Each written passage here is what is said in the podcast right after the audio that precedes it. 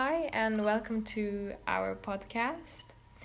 Today, we are going to talk about a game we recently played called Gone Home and our experiences from playing the game. Uh, so my first impression was that the game seemed very scary, and um, the game sort of reminded me of a horror movie. Yeah, it was kind of like that too, but I wasn't kind of scared about it because I heard so much about it that I was more excited to play the game than to Mm. be scared of the game. Yeah, but, but I can see why you were scared though, because it was like very dim lighting. You Mhm. couldn't really see much, yeah. and then it was complete darkness when you opened the doors. Mhm. So I can I can see how you were scared, but Yeah. but it was Personally, I wasn't scared. realis- realistic. Uh, yeah, Yeah. it was very realistically Yeah. Mm. made. Okay, so when we played the game, we played a character Katie, and we just walked around in the house and tried to find um, things that proved that the family or her family was gone and Mhm. where they may be.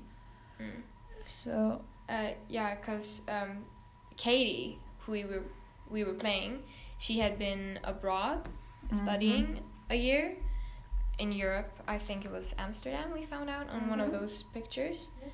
and then we uh, came back, and that's when the game starts. When she comes back home, and the house is empty, and her family is gone, yes, and so- like we're trying to find Mm. clues.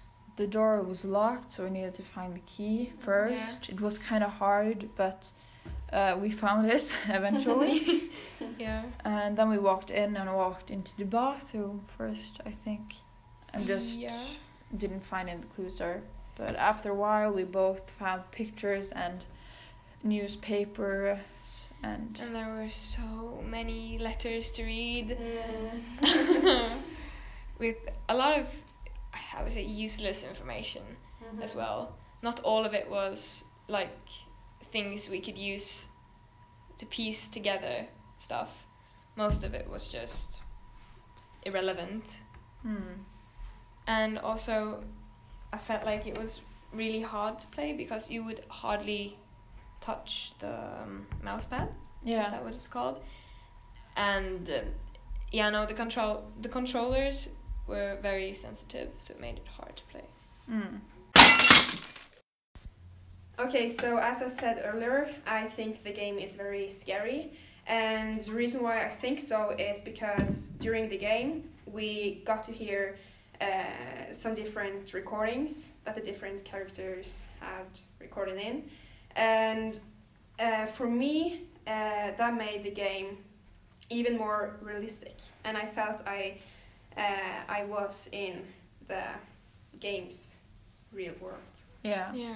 Uh, I also thought so too, but it kind of the realistic uh, thing about the game also got kind of destroyed because uh, sometimes uh, she would just walk very slowly when we tried to Mhm. walk her from yeah forward or backwards or yeah she was just walking very very slowly.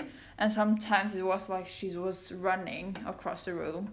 So it was kind of hard to find a speed where you could also see what was going on Mhm. and not to be um, mad because she wa it was too slow. Mhm. Mm. And also, like Tuva said um, earlier, it was also very uh, the touch pad or mouse pad, yeah, um, was very sensitive, so you couldn't do the biggest of movement before you Mm. have looked across the whole room. Yeah. yeah. Like you barely touched it, and then you moved to like one one eighty degrees, uh, or you Uh-huh. walked into a wall Yeah. without even trying.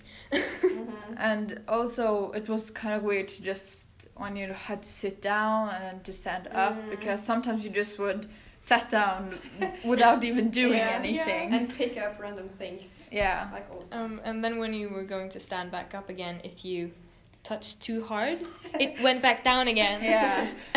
so it was Mhm. kind of difficult to control. Yeah. So the controls were maybe have room for imp- improvement. Mhm. But the Yeah. game in itself, I think, was very good because you Mhm. could uh, I like those kind of games. So you Yeah. need to find out what happened on yourself and need to Mm. look at clues Mm. and all that stuff. So Mm. and it was very very ma- lo- uh, it was lots of rooms in that house Mm. Mm. It was a and many house. doors and And uh, I talked to someone else who had finished the game.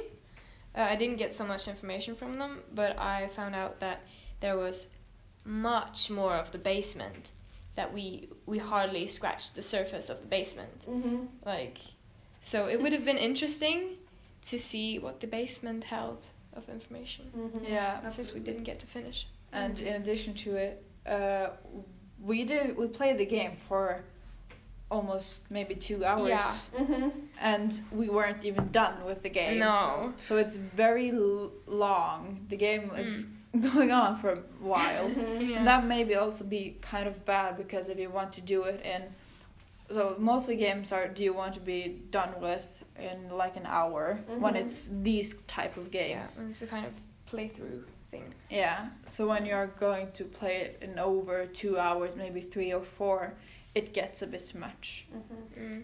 But the game in general was very exciting. Yeah. actually. Yeah. And kind of scary. kind of scary.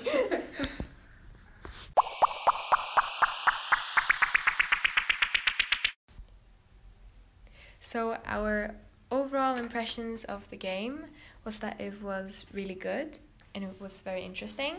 However, some of the technical aspects of the game could have been improved. Mm. Mm. And I would really like to to uh, recommend this game to people who like to puzzling together um, different pieces of information.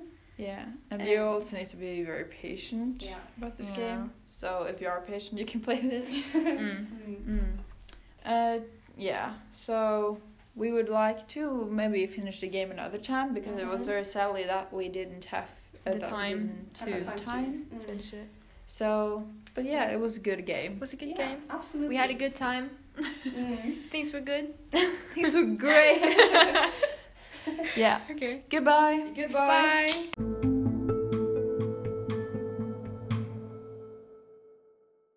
Åh, tack gud.